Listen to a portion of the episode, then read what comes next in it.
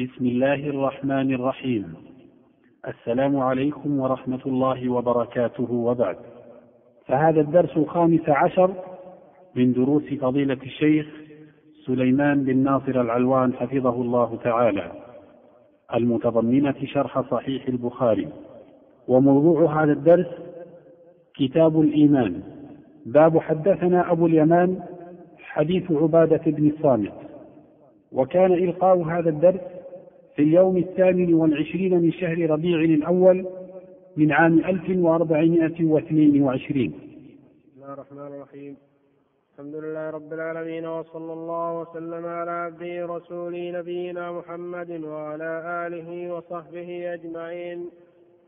قال الإمام الحافظ أبو عبد الله محمد بن إسماعيل البخاري رحمه الله تعالى في صحيحه باب حدثنا أبو اليمان قال أخبرنا شعيب عن الزهري قال أخبرني أبو إدريس عائد الله بن عبد الله أن عبادة بن الصامت رضي الله عنه وكان شهد بدرا وهو أحد النقباء ليلة العقبة. أن رسول الله صلى الله عليه وسلم قال وحوله عصابة من أصحابه. بايعوني على أن لا تشركوا بالله شيئا ولا تسرقوا ولا تزنوا ولا تقتلوا أولادكم ولا تأتوا ببهتان تفترونه بين أيديكم وأرجلكم ولا تعصوا في معروف فمن وفى منكم فأجره على الله ومن أصاب من ذلك شيئا فعوقب في الدنيا فهو كفارة له ومن أصاب من ذلك شيئا ثم ستره الله فهو إلى الله إن شاء عفى عنه وإن شاء عاقبه فبايعناه على ذلك. بسم الله الرحمن الرحيم.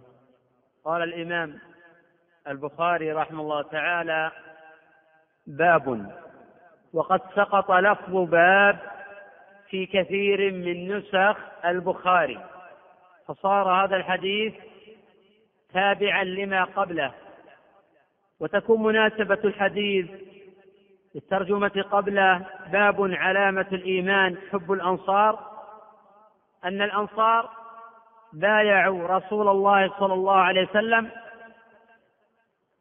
على أن لا يشركوا بالله شيئا ولا يسرقوا ولا يزنوا ولا يقتلوا أولادهم. فوفوا بذلك ووفوا بما عاهدوا الله عليه فوجبت حينئذ محبتهم.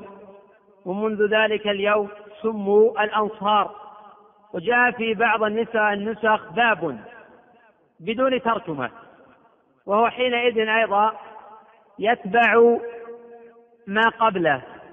لأن البخاري رحمه الله تعالى لم يذكر ترجمة الباب على أن دلالة واضحة لكتاب الإيمان. فإن هذا الحديث يتعلق بكتاب الإيمان من وجوه كثيرة. الوجه الأول أن ترك المنهيات يزيد في الإيمان كفعل الأوامر. الوجه الثاني الرد على المرجئة الذين يقولون لا يضر مع الإيمان ذنب. الوجه الثالث الرد على الخوارج الذين يكفرون أصحاب الكبائر. فلو كان مرتكب الكبيرة كافرا لما عفى الله عنه.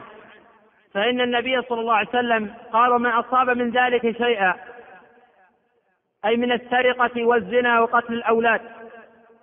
ثم ستره الله فهو إلى الله إن شاء عفى عنه وإن شاء عاقبه. وباب خبر لمبتدأ محذوف تقدير هذا باب. قال البخاري رحمه الله تعالى حدثنا أبو اليمان.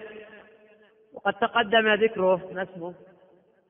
حكم ابن نافع. متى ولد؟ نعم متى ولد؟ نعم. ولد سنة, سنة ست وثلاثين ومائة أكيد أيوة ما صح الأخ يقول ولد سنة ثمان وثلاثين. ومائة أول سنة ست وثلاثين ومائة ثمان وثلاثين صحيح.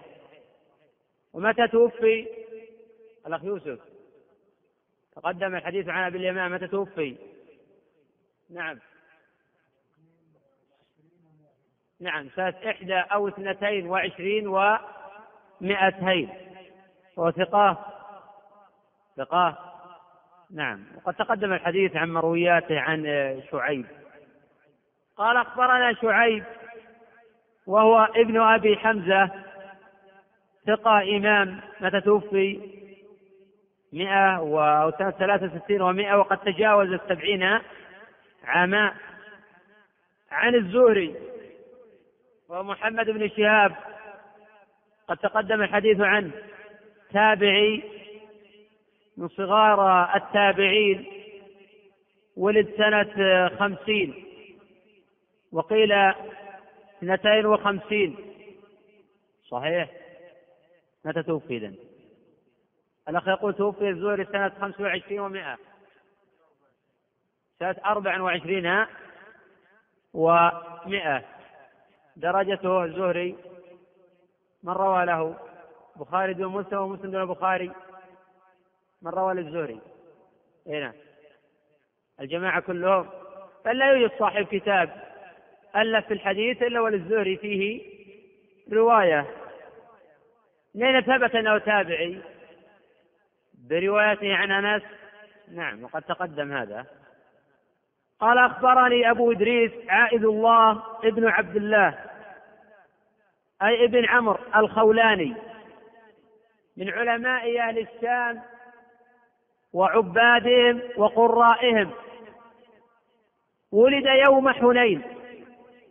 وذلك في السنة الثامنة. ويوم حنين إذا أعجبتكم كثرتكم كانت هذه في السنة الثامنة.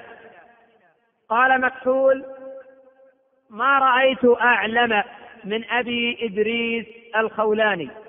وقد مات سنة ثمانين وخرج له الجماعة. وقد أجمع أهل العلم على توثيقه والاحتجاج به. أبو إدريس الخولاني يروي هذا الخبر عن عبادة بن الصامت الخزرجي. أحد أصحاب رسول الله صلى الله عليه وسلم وقد شهد المشاهد كلها. وهو أحد النقباء ليلة العقبة. وكانوا اثني عشر رجلا.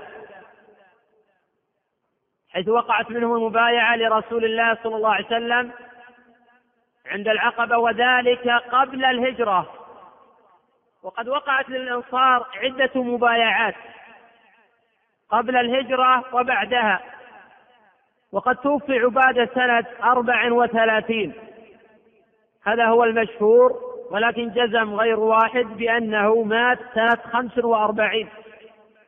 قوله وكان شاهد بدرا. يحتمل هذا أنه من كلام أبي إدريس الخولاني. فيكون سمع من عبادة ويحتمل هذا أن يكون من كلام الزوري وذلك للتوضيح ونحو ذلك متى كانت غزوة بدر؟ نعم متى كانت غزوة بدر؟ غزوة بدر هي أول غزوة غزاها رسول الله صلى الله عليه وسلم وقاتل فيها المشركين ثانية الأخ يقول في السنة الثانية. تصح كلامه؟ له يقول في الثانية الأخ نعم. نعم. نعم. إذا آخر السنة الأولى أوائل الثانية؟ هكذا. أي نعم. وهو أحد النقباء ليلة العقبة أن رسول الله صلى الله عليه وسلم قال وحوله عصابة حوله فتح اللام حوله نصب على الظرفية. عصابة العصابة من العشرة إلى الأربعين. العصابة من العشرة إلى الأربعين. قوله من أصحابه صحبة نوعان. صحبة خاصة صحبة عامة. الصحبة الخاصة تقتضي الملازمة كصحبة أبي بكر وعمر وأنس وجماعة للنبي صلى الله عليه وسلم. النوع الثالث صحبة عامة. فكل من لقي النبي. النوع الثاني صحبة عامة؟ لا الأولى الخاصة. الصحبة الخاصة صحبة أبي بكر صحبة عمر صحبة أنس. هذه صحبة خاصة. النوع الثاني صحبة عامة. فكل من لقي النبي صلى الله عليه وسلم فقد صحبه. فله فضل الصحبة وله أجرها وله عظيم مكانتها. والصحابة رضي الله عنهم يتفاضلون في الفضل على حسب تفاضلهم في الإيمان. فأفضل الصحابة أبو بكر ثم عمر ثم عثمان ثم علي. هذا الذي اتفق عليه أهل السنة والجماعة. أن النبي صلى الله عليه وسلم قال بايعوني. أي عاهدوني على الطاعة. المبايعة المعاهدة على الطاعة. وقد ذهب أكثر أهل العلم أن المبايعة لا تكون إلا للنبي صلى الله عليه وسلم. ولا يصح لأحد أن يبايع أحدا إلا أن يبايع رسول الله صلى الله عليه وسلم. وذهب بعض أهل العلم إلى جواز المبايعة على الحق. وهذا مروي عن عثمان وجماعة من الصحابة وهو قول طائفة من أهل العلم. فلا مانع أن تبايع شخصا على نصرة الدين وعلى ألا تفر وعلى ينصر بعضكم بعضا على وفق ما جاء في الكتاب والسنة. النبي صلى الله عليه وسلم قال بايعون بايعوني على أن لا تشركوا بالله شيئا. الشرك هو تسوية غير الله بالله فيما هو من خصائص الله وقوله شيئا نكرة. تعم جميع أنواع الشرك. والشرك نوعان أكبر وأصغر. وقد ذكر بعض أهل العلم قسما ثالثا وهو الشرك الخفي. وقال عنهم بأنه دون الأصغر وهذا ضعيف القول. الخفي منه ما هو أكبر ومنه ما هو أصغر. ولا يصح إطلاق القول بأن الشرك الخفي دون الأصغر. فهذه المبايعة اقتضت على أن لا يشركوا بالله شيئا. قوله ولا تسرقوا.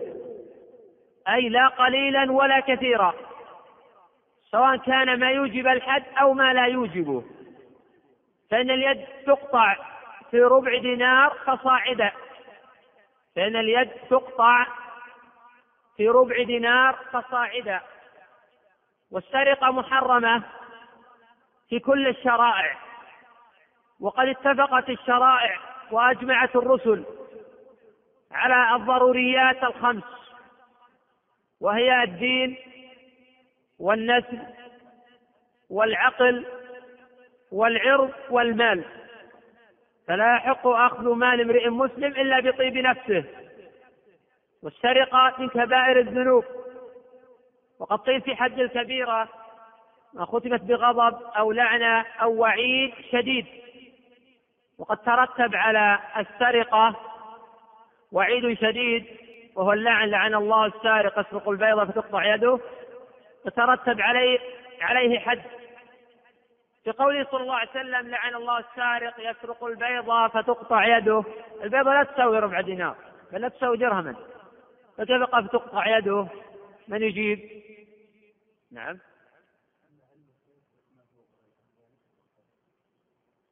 أي لعن الله السارق يسرق البيضة فيؤول به الأمر إليه يسرق ما هو أعظم منه فتقطع يده نعم جيد. وهذا اختيار ابن القيم رحمه الله تعالى.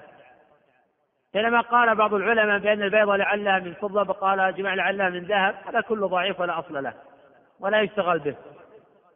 صحيح في معنى الحديث لعن الله السارق يسرق البيضة أي يسرق الشيء القليل فيؤول به الأمر ليسرق الكثير فتقطع يده.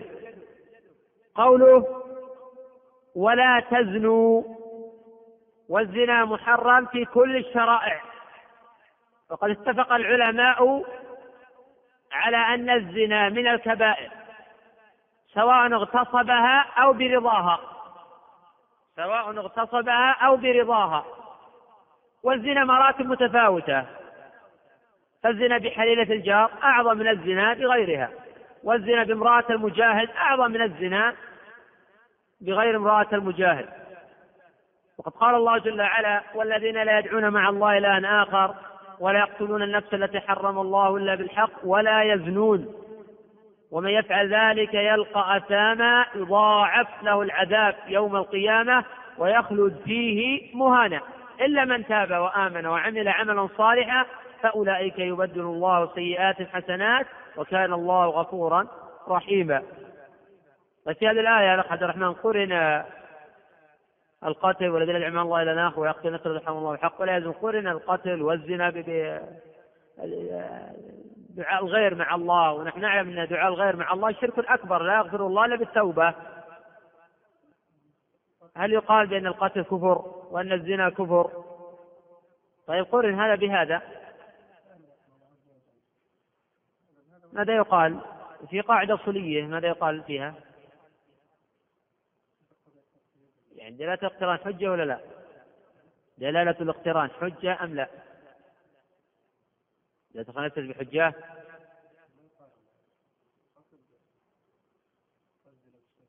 إذا صح أن قلنا دلالة الاقتران ليست بحجة. وأما قران اللفظ في المشهور فلا يساوى في سوى المذكور. دلالة اقتران عند أكثر الأصوليين ليست بحجة. وقد جاء في الصحيحين من حديث أبي هريرة أن النبي صلى الله عليه وسلم قال اجتنبوا السبع الموبقات أي المهلكات. قالوا وما هن يا رسول الله؟ قال الشرك بالله والسحر وقتل النفس وأكل الربا وأكل مال اليتيم والتولي يوم الزحف وقذف المحصنات الغافلات المؤمنات. فقرن في هذا الحديث ما هو كفر كالشرك والسحر في أصح قول العلماء وما هو من الكبائر ليس بكفر. كالقتل وأكل الربا واكل مال اليتيم. اذا دلالة الاقتران ليست بحجة. اذا الزنا ليس بكفر إنما من كبائر الذنوب. لكن لو أن رجلا استحل الزنا قال الزنا حلال ما حكمه؟ شخص قال والله الزنا حلال ما في حرج الزنا. وقال الربا أي ربا النسيئه حلال لا حرج فيه. أو قال السرقة حلالا أسرق أموال الغير مطلقا. أي ضابط أي قيد. ما حكمه؟ نقول عاصي أو فاجر أو مرتد عن الدين. مرتد عن الدين ما هو الدليل على ارتداده؟ لأنه أحل ما حرم الله. ومن استحل محرما مجمعا عليه فإنه مرتد عن الدين. وهذا الارتداد أيضا بإجماع أهل العلم. هل اشترط في محرمات الاستحلال حتى يكفر الإنسان؟ أو المحرمات نوعات نوعان الأخ عبد الرحمن. إيه فيما ورد وليس غير الاستحلال طيب ما معنى قول أهل السنة والجماعة؟ ولا نكفر أحدا بذنب ما لم يستحله. قصدهم بذلك الرد على الخوارج. في كلام قرينة تفيد أن المقصود الرد على الخوارج. ما هي قرينة؟ نعم وأنهم يقولون ونكفر أحدا من أهل القبلة بذنب ما لم يستحله. ولا فبعضهم يكفر بمجرد فعله كالسجود للأصنام والطواف على القبور ودعاء آه، غير الله ونحو ذلك. ولا يشترط في ذلك الاستحلال. ومن الذي يشترط الاستحلال؟ هم غلاة المرجئة والجهمية. قوله ولا تقتلوا أولادكم. خص الأولاد بالذكر لأن هذا الأمر كان شائعا بينهم. يقتلون أولادهم خشية إملاق أي خشية الفقر. فنبه النبي صلى الله عليه وسلم على ذلك. وقتل النفس بغير حق محرم بإجماع المسلمين ومحرم في كل الشرائع وقد جاء في الصحيحين أن النبي صلى الله عليه وسلم قال لا يحل دم امرئ مسلم يشهد أن لا إله إلا الله وأني رسول الله إلا بإحدى ثلاث النفس بالنفس والسيف الزاني والتارك الدين المفارق للجماعة صحابي الخبر من هو؟ صحابي الخبر من هو؟ صحابي الخبر من هو؟ عبد الله بن مسعود. قوله صلى الله عليه وسلم النفس بالنفس. نفس الكافر تدخل في الحديث. يمكن هذا؟ والله جل وعلا يقول كتبنا عليه فيها أن النفس بالنفس. القاتل يقتل. لا قتل كافر. وقتل كافرا ذميا. أو قتل رجل كافرا ذميا يقتل. ليش ما يقتل؟ طيب النبي صلى الله عليه وسلم يقول نفسي بالنفس. هذه نفس هذه بنفس. إذا هذا عام مخصوص بقوله صلى الله عليه وسلم وأن لا يقتل مسلم في من روى الحديث؟ أنت قطعت بأنه قاله النبي صلى الله عليه وسلم. إذا الحديث صحيح. لكن من رواه؟ من رواه؟ البخاري من حديث حديث علي بن أبي طالب رضي الله عنه. إذ روى البخاري من حديث علي بن أبي طالب رضي الله عنه. قول ولا تقتلوا أولادكم؟ فإن قتل الأولاد من كبائر الذنوب.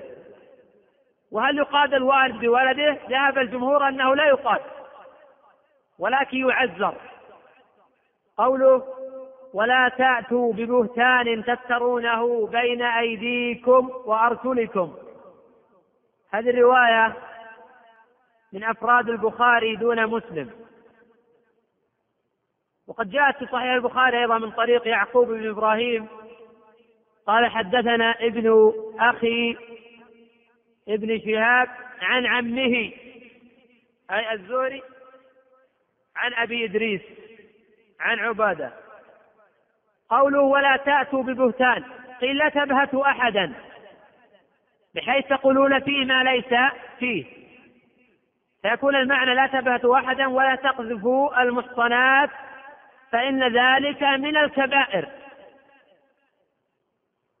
وخص هذا الأمر بالذكر لأنه كان شائعا في أهل الجاهلية بحيث يتجبر القوي على الضعيف ويبهت ولا يبالي بذلك. فخص هذا بالذكر لأهميته وعظيم شأنه. ولكن إنه لا يزال موجودا في كثير من الناس.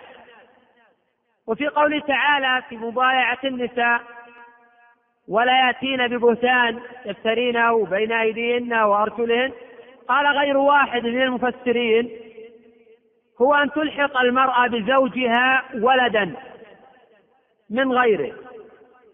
وفي قوله تعالى بين أيديهن وأرجلهن أي أن الولد إذا ولدته أمه سقط بين يديها ورجليها. وقيل غير ذلك وكل ما فسر به البهتان. في حق النساء فيدخل فيه الرجال. أي فلا يحق للرجال بل يحرم عليهم. بأن يأتوا ببهتان يفترونه بين أيديهم وأرجلهم. وهذا العمل من كبائر الذنوب. وهو أعظم من الغيبة. البهت أعظم من الغيبة. لأن الغيبة ذكرك أخاك بما يكره. وحين قال النبي صلى الله عليه وسلم تدرون من الغيبة قلنا الله ورسوله أعلم. قال ذكرك أخاك بما قيل أراد إن كان في أخي ما أقول؟ قال إن كان فيما تقول فقد اغتبته. وإن لم يكن فيما تقول فقد ذهبته حديث صحيح ولا ضعيف؟ صحيح. من رواه؟ صحيح ولا ضعيف الحديث؟ صحيح. من رواه؟ اللي وراءه. نعم رواه مسلم من حديث العلاء بن عبد الرحمن بن يعقوب الحرقي مولاهم عن أبيه عن أبي هريرة رضي الله عنه. فإن قيل إذا قيل بأن هذا الحديث وقع قبل الهجرة وأن النبي صلى الله عليه وسلم قال ذلك في بيعة العقبة فكيف يقال بأن هذا في بيعة النساء؟ ونحن نعلم أن آية بيعة النساء نزلت بعد الحديبية. فالجواب أنه قد قيل بأن النبي صلى الله عليه وسلم قال ذلك في غير بيعة العقبة وإنما ما بايع إنما بايعهم ليلة العقبة على أن يعبدوا الله ولا يشركوا به شيئا وعلى أن ينصروه ويؤووه ونحو ذلك. وأما هذه البيعة فقد وقعت بعد الهجرة وقال غير واحد من أهل العلم أن هذه البيعة وقعت ليلة العقبة التي هي قبل الهجرة.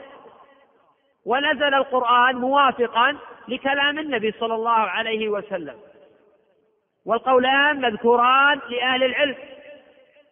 قوله ولا تعصوا في معروف وفي رواية في البخاري ولا تعصوني في معروف وفي هذا دليل على أن الطاعة في المعروف.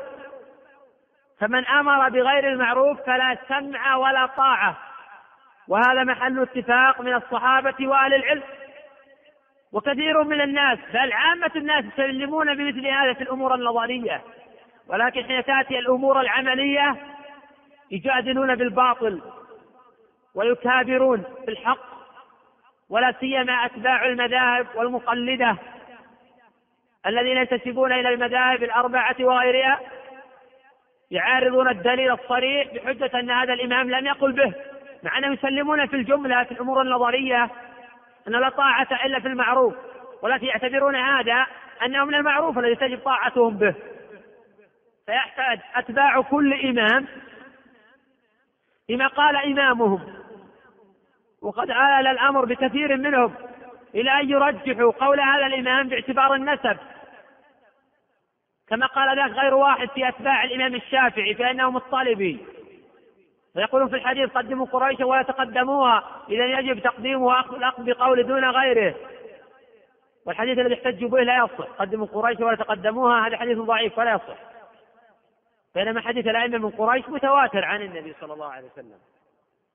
والأئمة الأربعة اتفقوا على أنه لا يجوز الاحتجاج بقولهم دون نظر في مأخذهم. وكلهم يقولون لا تقلدون ولا تقلدوا فلانا وفلانا. وكلهم يقولون ما منا إلا راد ومردود عليه إلا النبي صلى الله عليه وسلم. وقد نظم أقوالهم بعض أهل العلم فقال وقول أعلام الهدى لا يعمل بقولنا بدون نص يقبل في دليل الأخذ بالحديث وذاك في القديم والحديث. قال أبو حنيفة الإمام لا ينبغي لمن له إسلام أخذ بأقوال حتى تعرض على الحديث والكتاب المرتضى.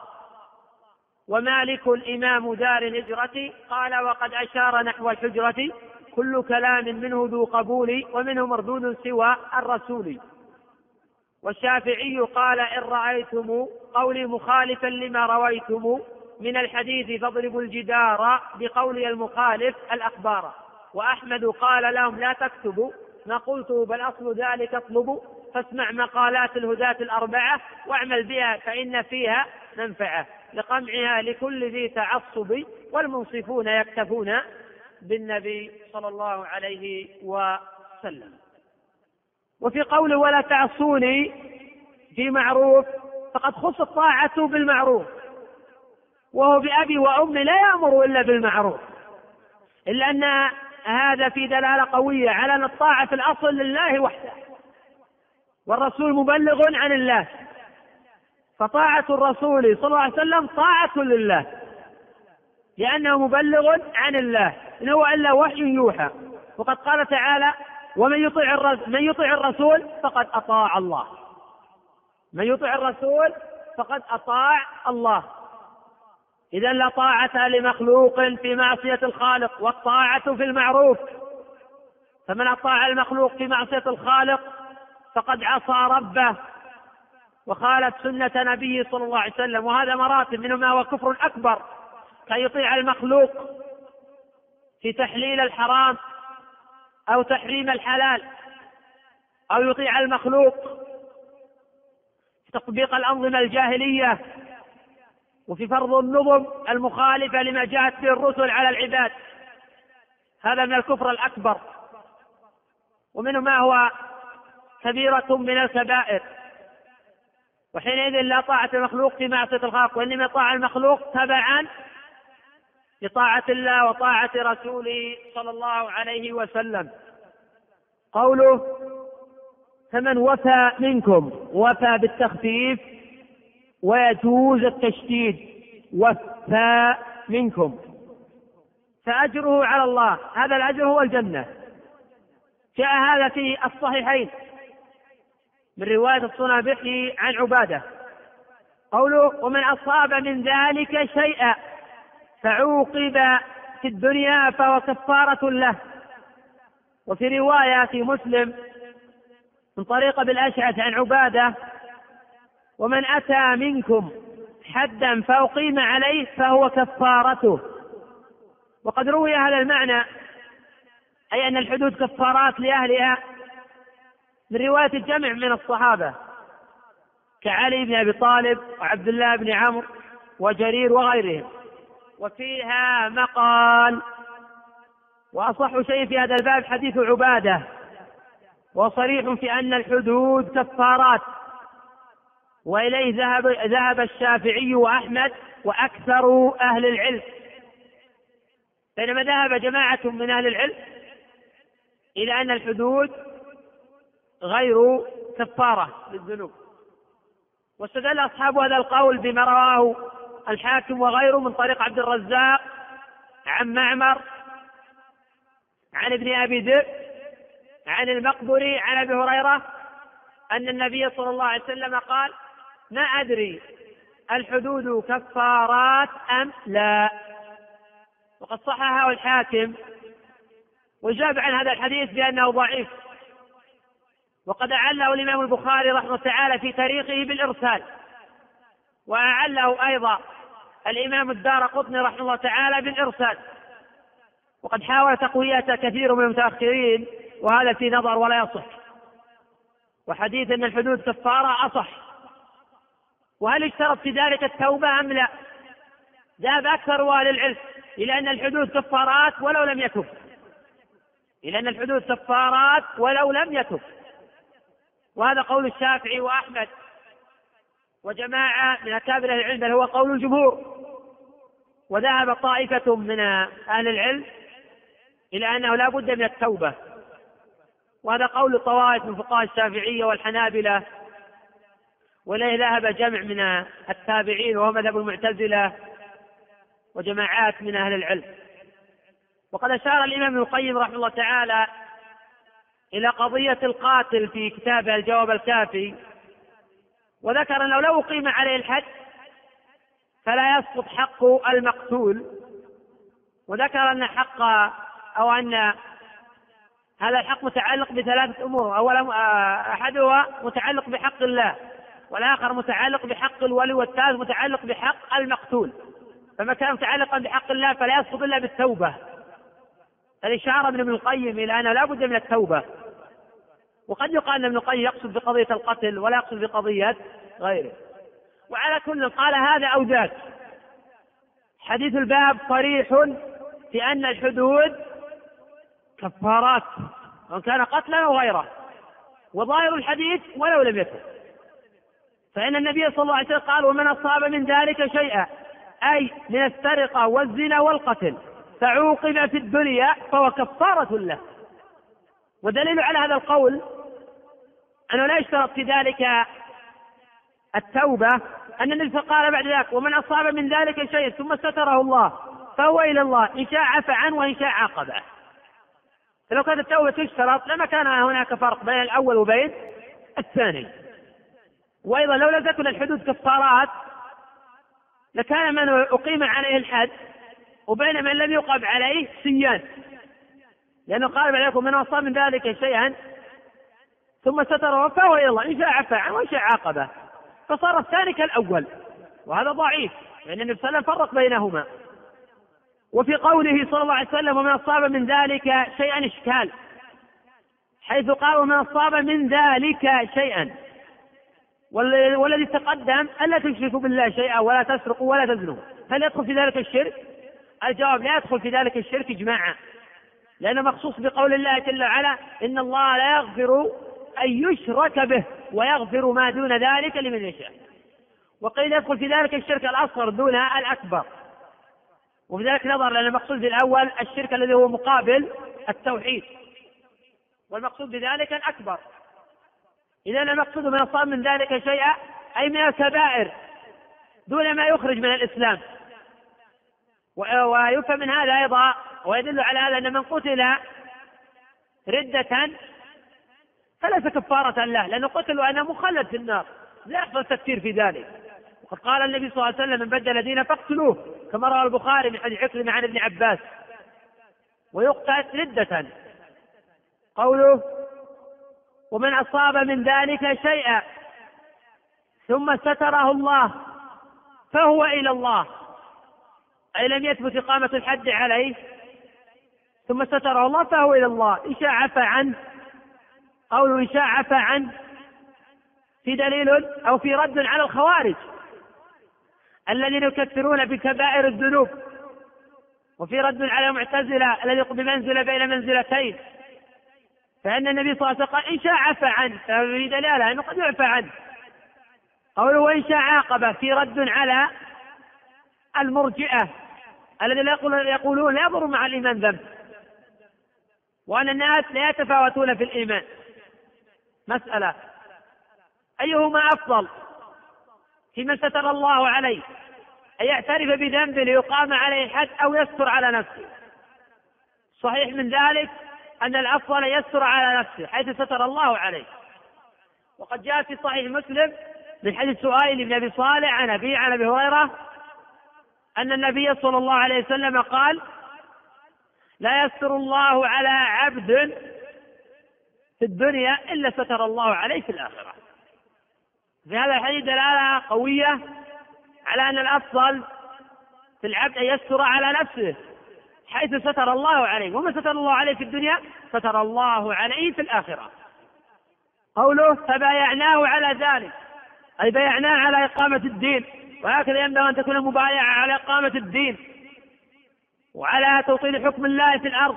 ولا تكون المبايعة على إقامة الأنظمة الوضعية في الأرض. وعلى إقامة الشرك والبدع. وعلى تطبيق الجاهلية. في الأرض. هذه مبايعة جاهلية ولا يستحق الوفاء بها بل يحرم الوفاء بها. قال الله جل وعلا ومن لم يحكم ما أنزل الله فأولئك هم الكافرون. وحديث الباب رواه مسلم أيضا من طرق عن ابن عيينة عن الزهري عن أبي إدريس ولم يذكر فيه ولا تأتوا ببهتان. وقد رواه الشيخان أيضا من طريق يزيد بن أبي حبيب عن أبي الخير عن الصنابحي عن عبادة أنه قال إني لمن النقباء الذين بايعوا رسول الله صلى الله عليه وسلم. وقال بايعناه على أن لا نشرك بالله شيئا. وقد قال تعالى إن الله اشترى من المؤمنين أنفسهم وأموالهم بأن لهم الجنة يقاتلون في سبيل الله فيقتلون ويقتلون وعدا عليه حقا في التوراة والإنجيل والقرآن. ومن جميل الشعر من رامنا إلى العز فليصطبر على لقاء المنايا واقتحام المضايق. فإن تكن الأيام رنقن مشربي وسلمن حدي بالخطوب الطوارق فما غيرتني محنة عن خليقتي ولا حولتني خدعة عن طرائقي. لكنني باق على ما يسرني ويغضب أعدائي ويرضي أصادقي. قف دون رأيك في الحياة مجاهدا إن الحياة عقيدة وجهاد. إذا لم يكن من الموت بد فمن العار أن تموت جبانا إذا على كل مسلم هذه البيعة وليست خاصة بالأنصار. بل هي عامة لكل المسلمين إلى أن تقوم الساعة عليهم أن لا يشركوا بالله شيئا ولا يسرقوا ولا يزنوا ولا يقتلوا أولادهم ولا غيرهم. ولا يأتوا ببهتان يفترون بين أيديهم وأرجلهم ولا يعصوا في معروف. وهذه البيعة في عنق كل مسلم إلى أن تقوم الساعة. وقد تقدم مناسبة الحديث لكتاب الإيمان.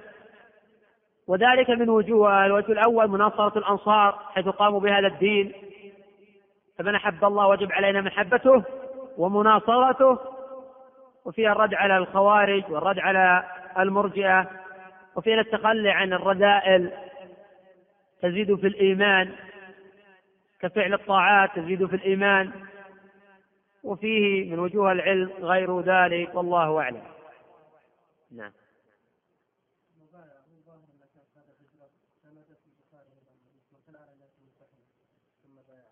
هذا ظاهر يعني سياق كثير من الأحاديث ولا سيما في بعض روايات مسلم أن هذه المبايعة ان البايعون انها وقعت بعد الهجرة وأنها ليست هي المبايعة التي وقعت ليلة العقد هذا القول أقوى من القول الذي يقول بأن هذه البيعة وقعت قبل الهجرة. أي نعم.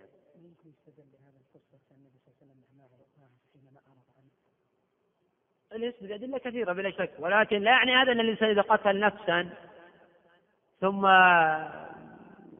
بعد ذلك تاب إلى الله جل وعلا. لا يعني بعد ذلك أنه لا يظهر هذا بل عليه أن يعترف بذنبه حتى يقام عليه الحد أو يعفي أو يعفو أو يعفو عنه صاحب الحق. المقصود من ذلك إذا زنى أو إذا سرق بعد يرد الحق إلى أصحابه وليس بشرط يخبرهم أنه قد سرق أو إذا فعل شيئا من الذنوب والمعاصي التي بينه وبين الله جل وعلا. أما فيما يتعلق بينه وبين العباد فيجب عليه رد المظالم إلى أهلها وأصحابها. فإذا قتل نفس يجب عليه أن يعترف بذنبه. ليقتص منه أو يعفى عنه. أما كون يستر على نفسه وقد قتل نفسا هذه جريمة عظيمة. ولا تاب إلى الله جل وعلا. لأن صاحب الحق لا بد أن يقتص منه. نعم. الأثر لقيت عن الأثر الذي ورد أن عمر رضي الله عنه دفن دفن ابنته وهي حية. هذا الأثر لا يصح وإسناده ضعيف فلا يصح ولا يصح الاحتجاج به. لكن من المسلم به أن أهل الجاهلية كانوا يقتلون البنات خشية العار وخشية الفقر. إن ليس هناك رادع يردعهم ولكن من أسلم منهم بعد ذلك لا عيب عليه في هذا الذنب. نعم. صحبة النبي. اي نعم تكون صحابيا. مرة تكون صحابية كالرجل من لقي النبي صلى الله عليه وسلم من النساء فإن صحابية. نعم.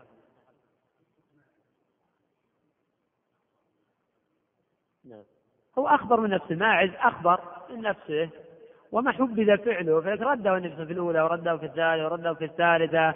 حين أقر في الرابعة أمر النبي صلى الله عليه وسلم برجمه. والأولى الإنسان يستر على نفسه ولكن ماعزا اعترف وقر بذلك آه، آه، لأنه استعاظم الذنب فأحب أن يقتص منه في, في ذلك. ولا لو ستر على نفسه كان أفضل وأولى.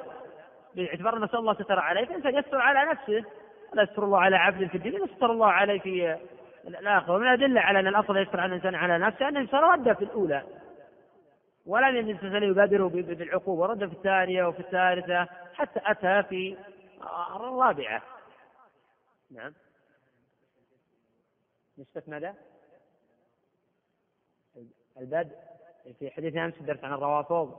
يعني تحدثنا في درس الأمس أن الرافضة كانت على اثني عشرية وعلى كفرهم وضلالهم.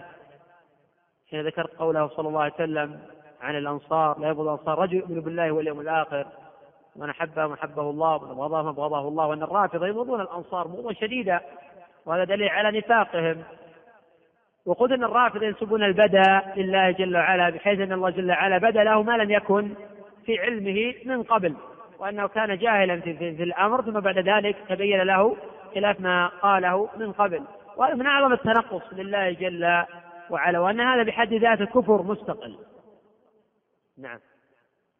الاخ يسأل عن إسقاط الجنين قبل أن ينفق في روح هل يسمى قتلا هذه المسألة فيها خلاف بين أهل العلم. بعض أهل العلم كالإمام أحمد جوز إسقاط النطفة. إذا ما بلغت الأربعين يجوز إسقاطها. إذا بلغت الطور الثاني فيحرم في مذهب أحمد إسقاطها.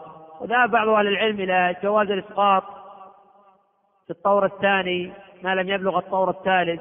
وذهب جماعة من أهل العلم لجواز الإسقاط حتى في الطور الثالث ما لم ينفق فيه الروح. وهذا الذي يظهر لي والعلم عند الله أن يجوز الإسقاط ما لم ينفق فيه الروح. لكن في حاجة للإسقاط فلا بأس منه ما لم ينفق فيه الروح. وأنا هذا لا يسمى قتلا لأنه ما ينفق فيها الروح. الدليل على أنه لا دية فيه وليس فيه غرة عبد ولا أمة ما لم ينفق فيه الروح. وينفق فيها الروح بعد مئة وعشرين يوما. والله أعلم. نعم. اي نعم نعم. قتل الأولاد في معصية لله جل وعلا من وجهين. الوجه الأول أنه قطيعة رحم وأنه قتل نفس بغير ولكن آه، ذهب بعض العلماء إلى أن الوالد لا يقاد بوالده بولده وهذا رأي الجمهور. بينما إذا قتل غير ابنه فإنه يقاد به اجماعا ما لم يعفو. الله أعلم. قف على هذا. بسم الله الرحمن الرحيم. السلام عليكم ورحمة الله وبركاته. وبعد فهذا الدرس السادس عشر من دروس فضيلة الشيخ سليمان بن ناصر العلوان حفظه الله تعالى المتضمنة شرح صحيح البخاري. وموضوع هذا الدرس كتاب الإيمان باب من الدين الفرار من الفتن حديث أبي سعيد الخدري. وكان إلقاء هذا الدرس في اليوم الثاني من شهر ربيع الآخر من عام 1422 بسم الله الرحمن الرحيم. الحمد لله رب العالمين والصلاة والسلام على نبينا محمد وعلى آله وأصحابه أجمعين. قال الإمام البخاري رحمه الله تعالى باب من الدين الفرار من الفتن.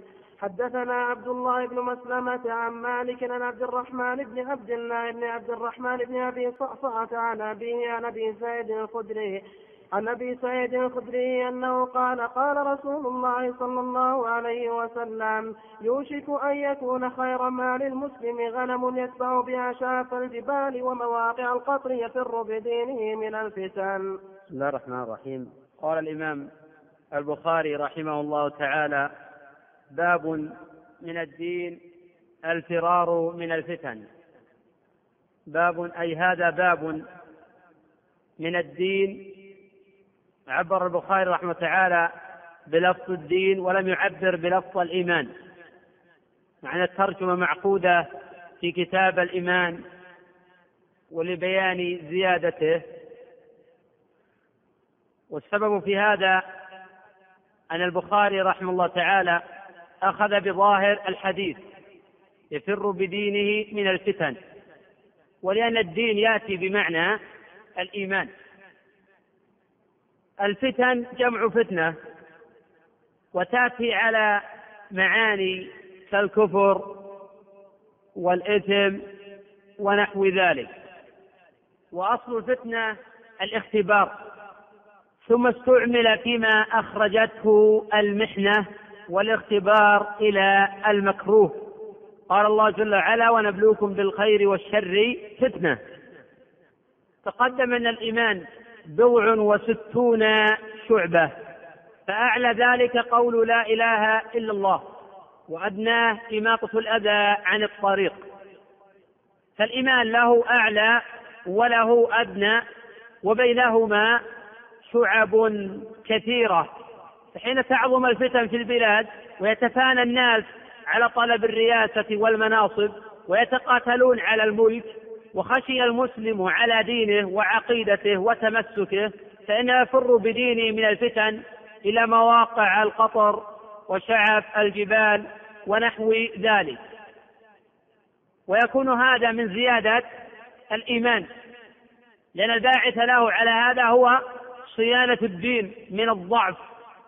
فكأن البخاري رحمه الله تعالى قال في ترجمته باب من شعب الإيمان الفرار من الفتن. ففي الترجمة دلالة واضحة على أن الإيمان يزيد وينقص وفي ذلك رد على المرجئة.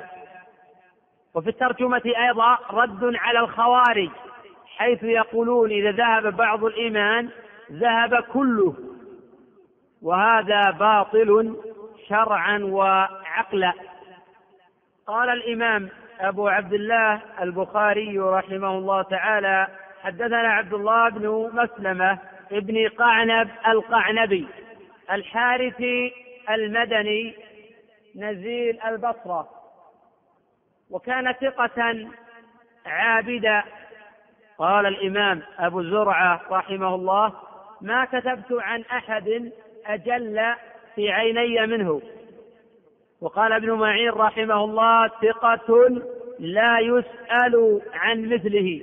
وقال ابن المديني رحمه الله تعالى لا أقدم من رواة الموطأ أحدا على القعنبي وقد مات سنة إحدى وعشرين أو عشرين ومئتين.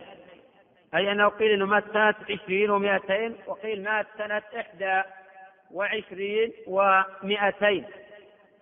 القعنبي يروي هذا الخبر عن مالك وهو إمام دار الهجرة. مالك بن أنس ولد سنة ثلاث وتسعين وكان إماما ثقة مأمونا ثبتا ورعا فقيها محدثا. وقد اتفق أهل العلم على وصفه بهذا. وقد روى الترمذي وغيره من طريق ابن جريج عن أبي الزبير عن أبي صالح عن أبي هريرة أن النبي صلى الله عليه وسلم قال يوشك أن يضرب الناس اكباد الإبل فلا يجدون عالما أعلم من عالم المدينة. قال ابن عيينة وغيره هو مالك غير أن المحدثين اختلفوا في صحة هذا الخبر وقد أعله الإمام أحمد رحمه الله بالوقت وقد يقال بأن له حكم المرفوع فإنه لا مجال لأبي هريرة رضي الله عنه في الاجتهاد في مثل هذه الأمور الغيبية. وقد قال العراقي رحمه الله في ألفيته وما أتى عن صاحب بحيث لا يقال رأيا حكمه الرفع على ما قال في المحصول نحو من أتى فالحاكم الرفع لهذا أثبت. ومن أداب الإمام مالك رحمه الله وتعظيمه للسنة أنه إذا رفع أحد صوته في مجلسه زبره.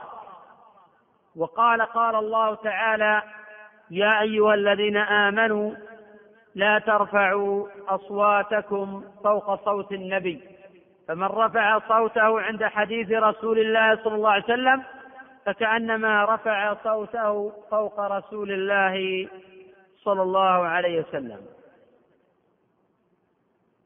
وقد توفي الإمام مالك رحمه الله بالمدينة سنة تسع وسبعين ومائة وكان من أبصر الناس وأعلمهم بالرجال وهو أحد أئمة الفقه وأحد الأئمة الأربعة الذين اشتهرت مذاهبهم في بلاد المسلمين. وقد خرج له الجماعة. قال مالك عن عبد الرحمن بن عبد الله بن عبد الرحمن بن أبي صعصعة قد وثقه أبو حاتم والنسائي وروى له الجماعة عفوا وروى له البخاري وأبو داود والنسائي وابن ماجه. وقد مات سنة تسع وثلاثين ومائة عن أبيه عبد الله بن عبد الرحمن. ثقة روى له البخاري وأبو داود والنسائي وابن ماجه. عن أبي سعيد الخدري اسمه على الصحيح سعد بن مالك اسمه على الصحيح سعد بن مالك ابن سنان ابن ثعلبة. استشهد أبوه مالك يوم أحد وشهد أبو سعيد الخندق وبيعة الرضوان. وهو أحد المكثرين عن رسول الله صلى الله عليه وسلم وأحد الفقهاء المجتهدين. مات سنة أربع وسبعين وقيل غير ذلك ولكن هذا هو الأشهر. أنه قال أي قال أبو سعيد الخدري رضي الله عنه قال قال رسول الله صلى الله عليه وسلم يوشك أن يكون خير مال المسلم غنم. يوشك. هذا من أفعال المقاربة عند النحاة أي يقرب. وفي رواية عند البخاري من طريق ابن الماجشون عن عبد الرحمن قال يأتي على الناس زمان خير مال المسلم الغنم يتبع بها شعف الجبال ومواقع القطر. وهذا تأكيد للأمر وأنه واقع لا محالة. ومثل هذه الأخبار يجب التصديق بها والإيمان بها.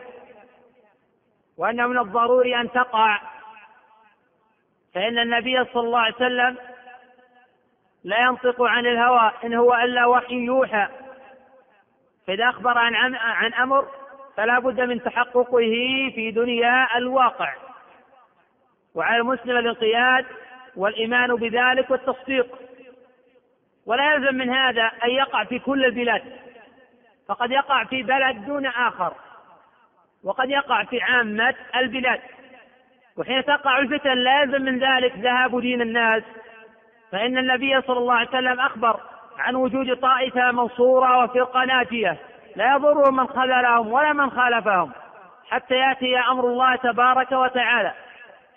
وأصبحت هذه الفرقة طائفة منصورة وفرقة ناجية لتمثلها بما جاء بالكتاب والسنة.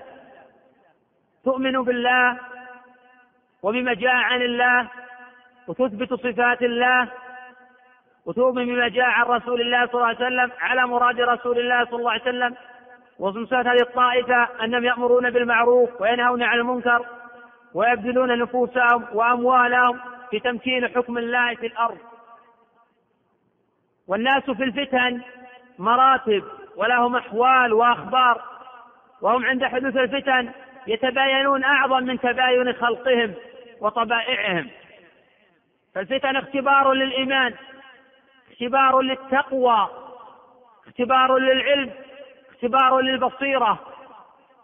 وكلما قوي علم الرجل وزادت بصيرته كلما عظم إدراكه للفتن وأصبح تمييزه قويا ويدرك الفتن قبل أن تقع.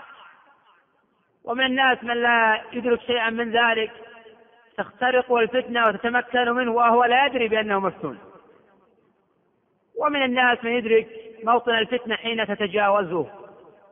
النبي صلى الله عليه وسلم يقول يوشك أن يكون خير مال المسلم غنم.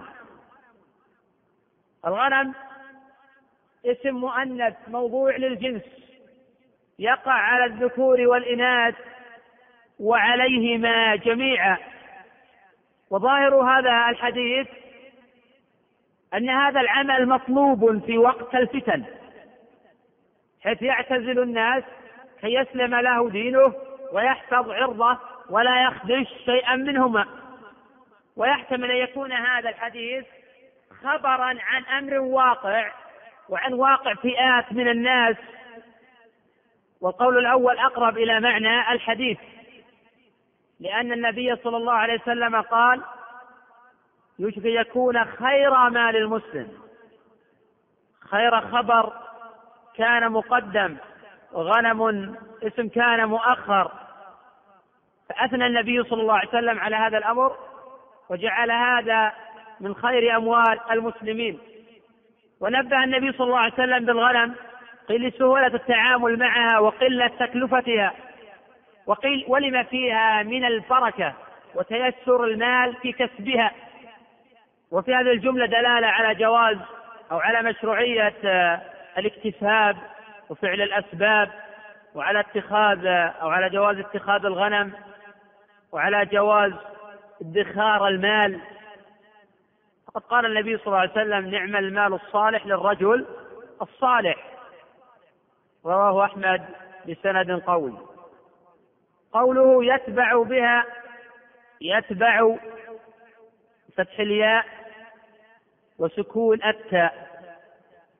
ويجوز التشديد يتبع بها شعف الجبال أي رأس الجبل لما في ذلك من الكلأ وتيسره. ومواقع القطر أي موضع نزول المطر كبطون الأودية. حيث يجد فيها الكلأ والماء فترعى غنم من الكلأ ويشرب من الماء. هي تنتفع بالكلى والماء وهو ينتفع بشرب الماء. قوله يفر بدينه من الفتن.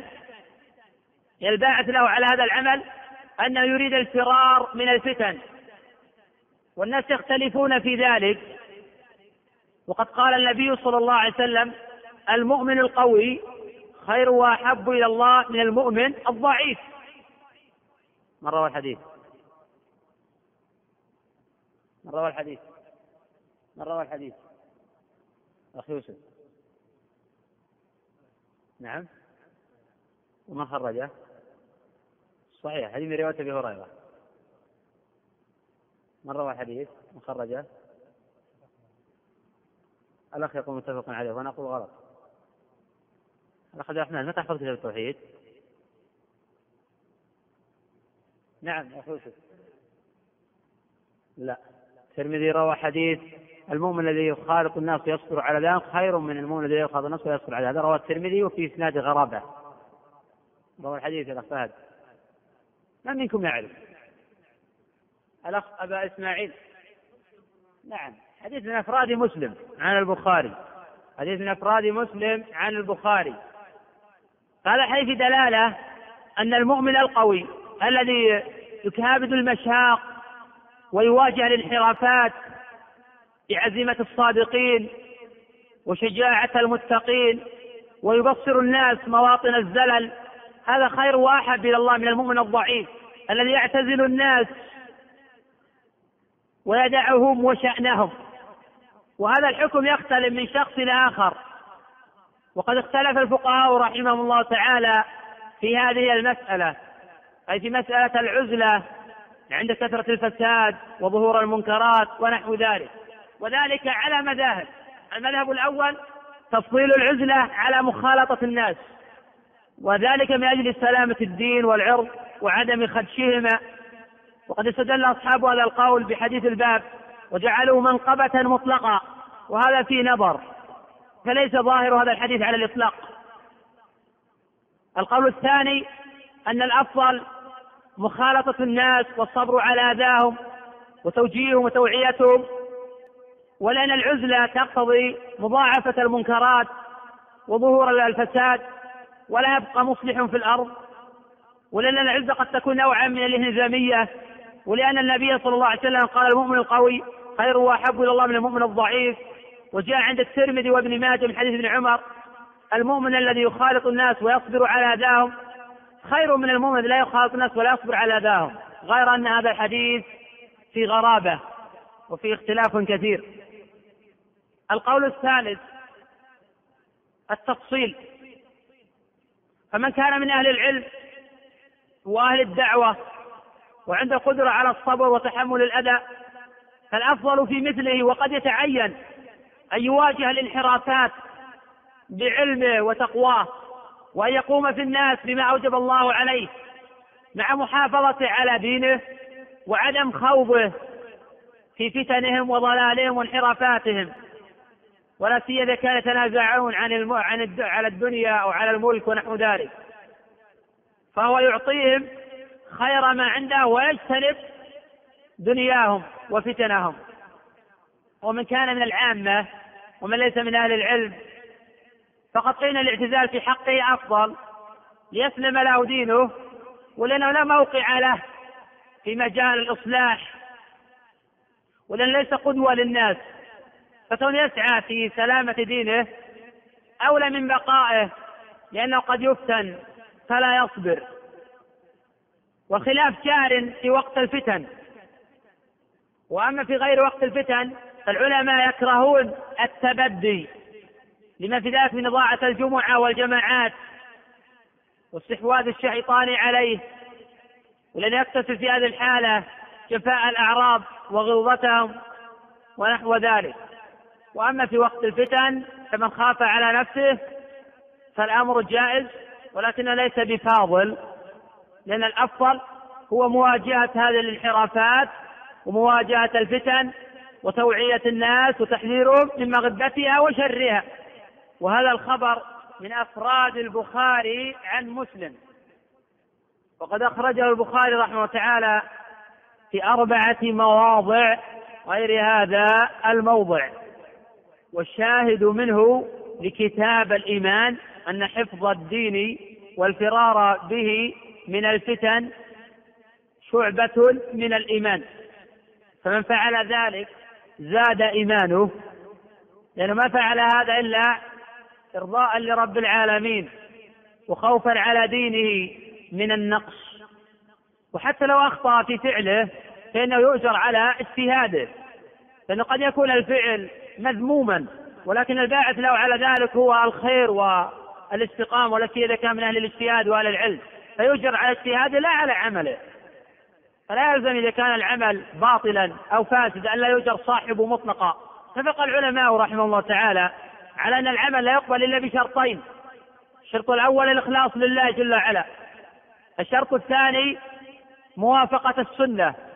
فالأول هو الأصل وهو إرادة وجه الله جل وعلا. ومعنى شهادة أن لا إله إلا الله لا يريد بذلك إلا وجه الله. والثاني هو معنى شهادة أن محمدا رسول الله. حيث اتبعوا فيما جاء عنه. إذا اختل واحد من هذين الأمرين لم يكن العمل مقبولا. ولكن قد يعمل العمل خالصا لله ولا يريد به إلا وجهه. فيخطئ في اجتهاده. فيكون العمل غير صواب. فيجر على اجتهاده لا على عمله. وهذا ليس لكل أحد.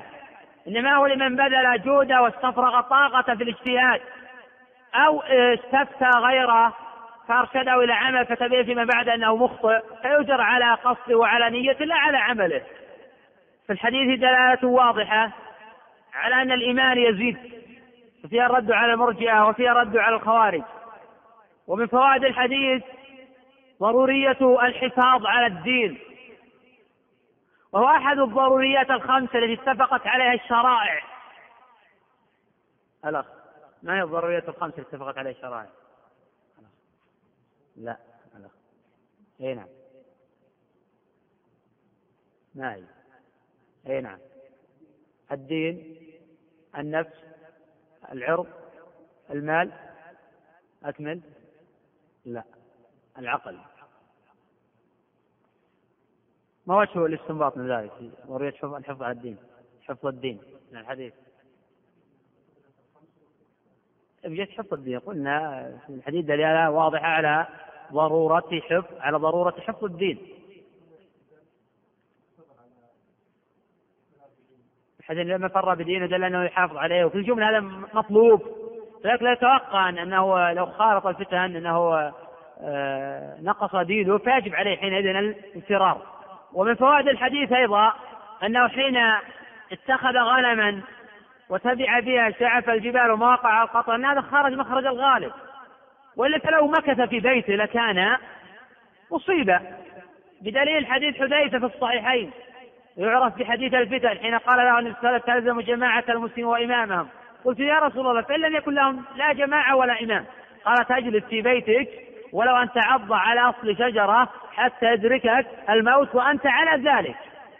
ولكنه حين كان لا قد لا يصبر الإنسان على جلوسه في بيته ونحو ذلك ذكر النبي صلى الله عليه وسلم واقع الناس وأنهم يريدون الخروج والبروز فحينئذ يتخذون الغنم يتبعون بها شعف الجبال ومواقع القطر.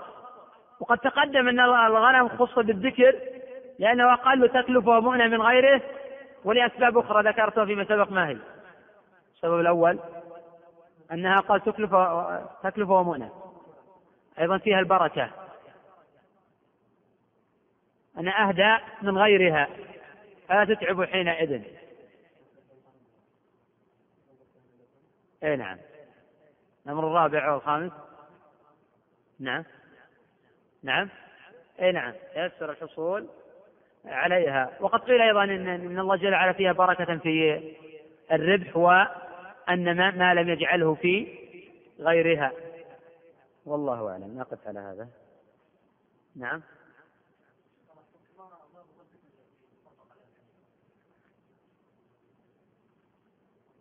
الأخ يسأل عن ضابط الفتن التي يمكن يتناولها الخبر. الفتن أنواع ومراتب متعددة وقد تقدم أن الفتن جمع فتنة وقد تأتي على معاني على معنى الكفر وعلى معنى الإثم ونحو ذلك. قال الله جل وعلا والفتنة أشد من القتل. وقال تعالى إن الذين فتنوا المؤمنين والمؤمنات ثم لم يتوبوا. فلهم عذاب جهنم ولهم عذاب الحريق. يفتنونهم ليرجعوا عن دينهم. ومن ذلك فتنة الرجل في نفسه وأهله وماله ونحو ذلك. فتلخص من هذا أن الفتن مراتب. الفتن التي يخاف الإنسان فيها على دينه. فكانت من المراتب العظمى أو من المراتب التي أقل من ذلك. يشرع له الفرار بدينه على أحد وسائل أو على أحد الوسائل المشروعة. وقد تكون خير وسيلة للدفاع هي الهجوم. حيث خير وسيلة للفرار من الفتن أن تواجه هذه الانحرافات في الأمر بالمعروف والنهي عن المنكر تجاه الناس توعيتهم ونحو ذلك. وقد لا يتأتى هذا كالقتال على الملك. حيث يتقاتل الولاة على الملك ويتقاتل الناس على طلب الملك وعلى طلب الرياسة ولا يتأتى إصلاحهم أو يستعصي إصلاحهم وتوجيههم. فمن الخيرة لي ألا أبايع أحدا منهم حيث أهرب آه، بديني. ونحو ذلك. فالفتن إذا مراتب متفاوتة يشرع للعبد يبتعد عنها وقد لا يكون الإصلاح والابتعاد. قد الإصلاح هو المواجهة والتوجيه والتوعية ونحو ذلك. نعم.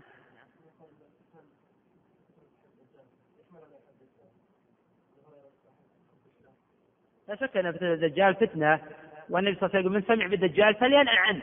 ولكن لا يعني ذلك أنك إذا نأيت على الدجال أن تتبع مواطن آه، مواقع القطر وشعف آه، الجبال. قد امكث في بيتي.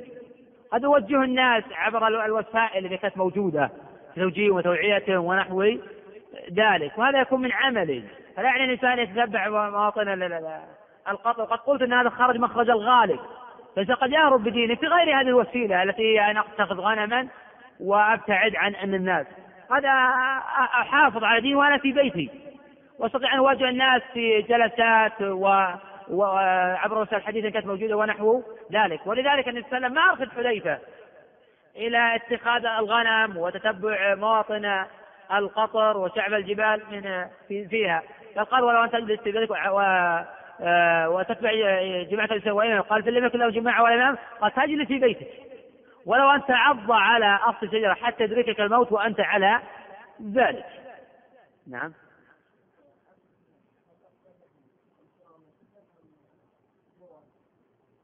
عامة الناس يعني العامة الذين ليس لهم علم وليس لهم دور في الإصلاح أشرت فيما سبق أنه قد يتأتى في حقهم أفضلية العزلة وعدم الخلطة. ولكن ليس من معاني العزلة أن يعتزل الناس في التبدج. فقد يعتزل الناس في بيته. وهذا واضح من سياق الأحاديث والجمع بينها وضم بعضها إلى بعض. نعم. الصحيح أنه لا يلزم من ذلك. كونه يعتزل الناس في بيته فلا يدع الجموع الجماعات. ولذلك قلت يعني لازم ذلك ترجيح التبدي. لأن التبدي يقصد ترك الجمعة والجماعات. ولكن قد يتبدى مع مجموعة فلا يدع لا جمعة ولا جماعات باعتبار قول عمر رضي الله عنه جمعوا حيث كنتم. باعتبار انه يقيمون جماعة فيما بينهم ولأن الجماعة في الشرع اثنان كما فوق. وإذا اعتزل الفتن في بيته فعليه يظهر للناس ويقيم آه، الجمعة والجماعات. ولكن يترتب على خروج فتنته فله يترخص بالصلاة في بيته. نعم.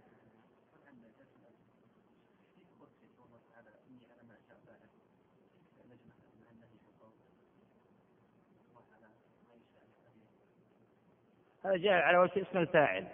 إذا كان على اسم الفاعل فلا بأس به. نعم. تفضل.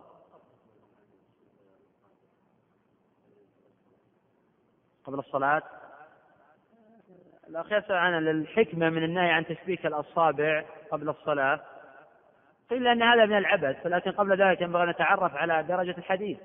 حديث جاء من رواية أبي هريرة من رواية كعب بن عجرة وفي الحديث اضطراب.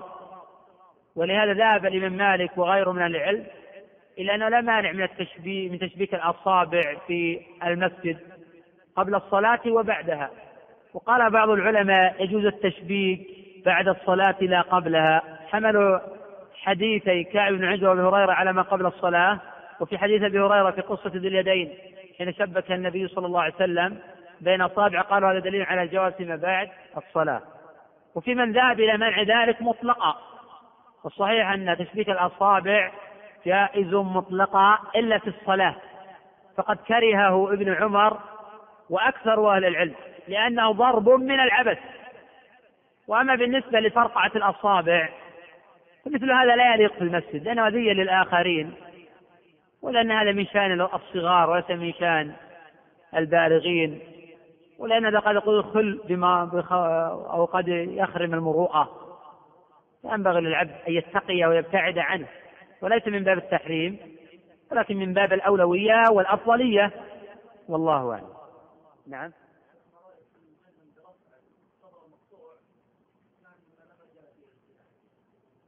الخبر المقطوع. أو الموقوف. الأخ يسأل عن الخبر المقطوع. يقول هل يلزم بنسبته إلى رسول الله صلى الله عليه وسلم؟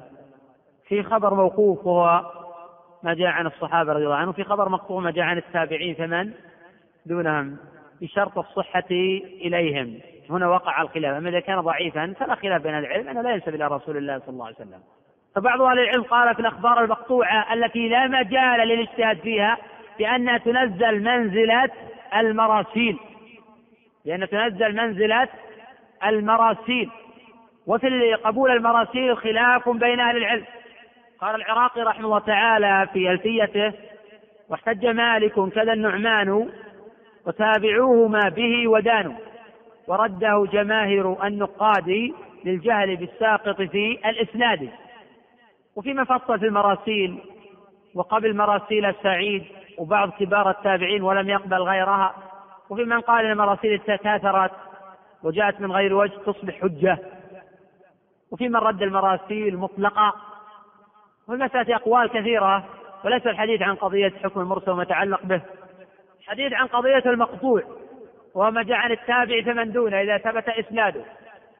هل يحكم ويلزم بنسبته إلى رسول الله صلى الله عليه وسلم إذا كان لا مجال الاجتهاد فيه؟ الجواب لا. ولا يجوز الجزم بنسبته إلى رسول الله صلى الله عليه وسلم. احتمال أن يكون التابع قد تلقاه عن تابعي مثله والاحتمال أن يكون قد تلقاه عن أهل الكتاب وغير ذلك من الاحتمالات الواردة في هذا الباب. ولا سيما أن الخلاف جار حتى في أقوال الصحابة فكيف في أقوال التابعين؟ العراقي يقول في أقوال الصحابة وما أتى عن صاحب بحيث لا يقال رأي حكمه الرفع على ما قال في المحصول نحو من أتى في الحاكم الرفع على هذا الفتى وقال قول الصحابي من السنة أو نحو يمرنا حكمه الرفع ولو بعد النبي قال وبيعصر على الصحيح وقول الأكثر. وفي أقوال التابعين الخلاف أقل. الصحيح فيها أنها تعبر عن أقوالهم وعن آرائهم ولا يمكن الجزم بنسبتها إلى رسول الله صلى الله عليه وسلم مهما كانت منزلة التابعي إلا إذا دلت القرينة على أنه رواه عن صحابي. فحينئذ يقال لا مجال للاجتهاد في قول الصحابي فله حكم المرفوع. ومن المسائل المهمة في هذا الباب ينبغي التنبؤ على ما هي المسائل التي لا مجال الاجتهاد فيها وما هي المسائل التي فيها مجال الاجتهاد لأن بعض الناس حين تأتي الرواية عن الصاحب يقول لا مجال الاجتهاد فيه وفي مجال الاجتهاد كحديث سلمان مثلا دخل الجنة رجل في ذباب ودخل النار رجل في ذباب. الحديث مشهور. في من رفع إلى رسول الله صلى الله عليه وسلم وهذا لا أصل له. وفي من جعله من قول طارق بن شهاب وهذا لا أصل له. الخبر رواه أحمد وغيره في كتاب الزهد من طريق آه، بمعاوية عن الأعمش وروى ابن عين في الحلية عن سليمان بن ميسرة عن طارق بن شهاب عن سلمان الفارسي وهذا إسناد صحيح. قال دخل الجنة رجل في ذباب ودخل النار رجل في ذباب قالوا كيف ذلك؟ قال مر رجلان على الصنم لا يجوز أحد حتى يقرب له شيئا. فقالوا لأحدهما قرب قال ما عندي شيء أقرب قالوا قرب ولو ذبابا. فخلوا سبيله فدخلناه. قال الآخر قرب. قال ما كنت بقرب شيئا دون الله عز وجل. فضربوا عنقه فدخل الجنة. هذا في مجال الاجتهاد فقد يكون معنى قول سلمان دخل النار رجل في ذباب. أي هذا مآله هذا مصيره. فهذا نقول عن الكافر بأنه من أهل النار. ودخل الجنة باعتبار ضربوا عنقه. موحدا ومخلصا. وماذا مآل الموحدين؟ الجنة. هذا في مجال الاجتهاد. وقد يكون هذا الخبر مثلا قال سلمان عن الكتاب.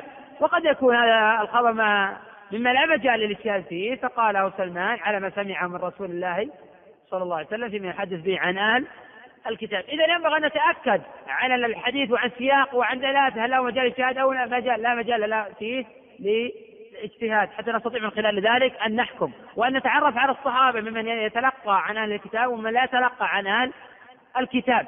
وكذلك عن التابعين وتابعيهم ممن يتلقى عن الكتاب ويكثر الرواية عنهم كواب بن منبه ونحو ذلك من يتلقى عن أهل الكتاب ولا يأخذ عنهم. والله أعلم. نعم. يعني يصلي جماعتان في المسجد في آن واحد هذا غلط. ينبغي للمتأخر يدخل مع المتقدم.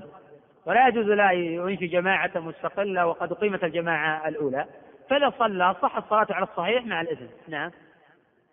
نعم.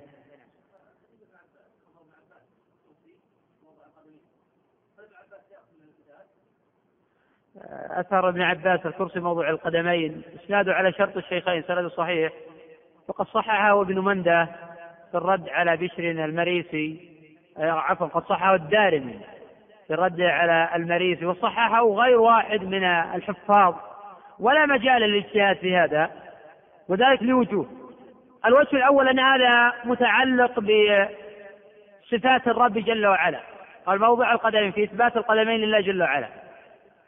الموضوع الأمر الثاني هذا متعلق بالأمور الغيبية. فلا يمكن لابن عباس أن يقول هذا اجتهادا أو بناء على ما عند أهل الكتاب. الأمر الثالث أنه جاء في البخاري عن ابن عباس أنه ينهى عن الأخذ عن أهل الكتاب. فإن جاء عنه ما يدل على أنه أخذ من أهل الكتاب. فنقول أخذ من أهل الكتاب ما لا يتعارض مع كتاب ربنا وسنة نبينا محمد صلى الله عليه وسلم وما في مجال الاجتهاد كالحكايات والقصص ونحو ذلك. أما ما لا مجال في للاجتهاد فهو لا يتلقى عن أهل الكتاب شيئا. والله أعلم. نعم. اي نعم الصحابي إذا قال من السنة له حكم مرفوع على قول أكثر العلم ثم تقدم في قول العراقي قول الصحابي من السنة أو نحن يرون حكم الرفع ولو بعد النبي قال بعث على الصحيح وهو قول الأكثر في قول لأنه ليس له حكم المرفوع قد يكون بما فهمه من السنة وهذا محتمل. يكون يقول الصحابي من السنة كذا أي بما فهمه من السنة من إطلاقات السنة ونحو ذلك.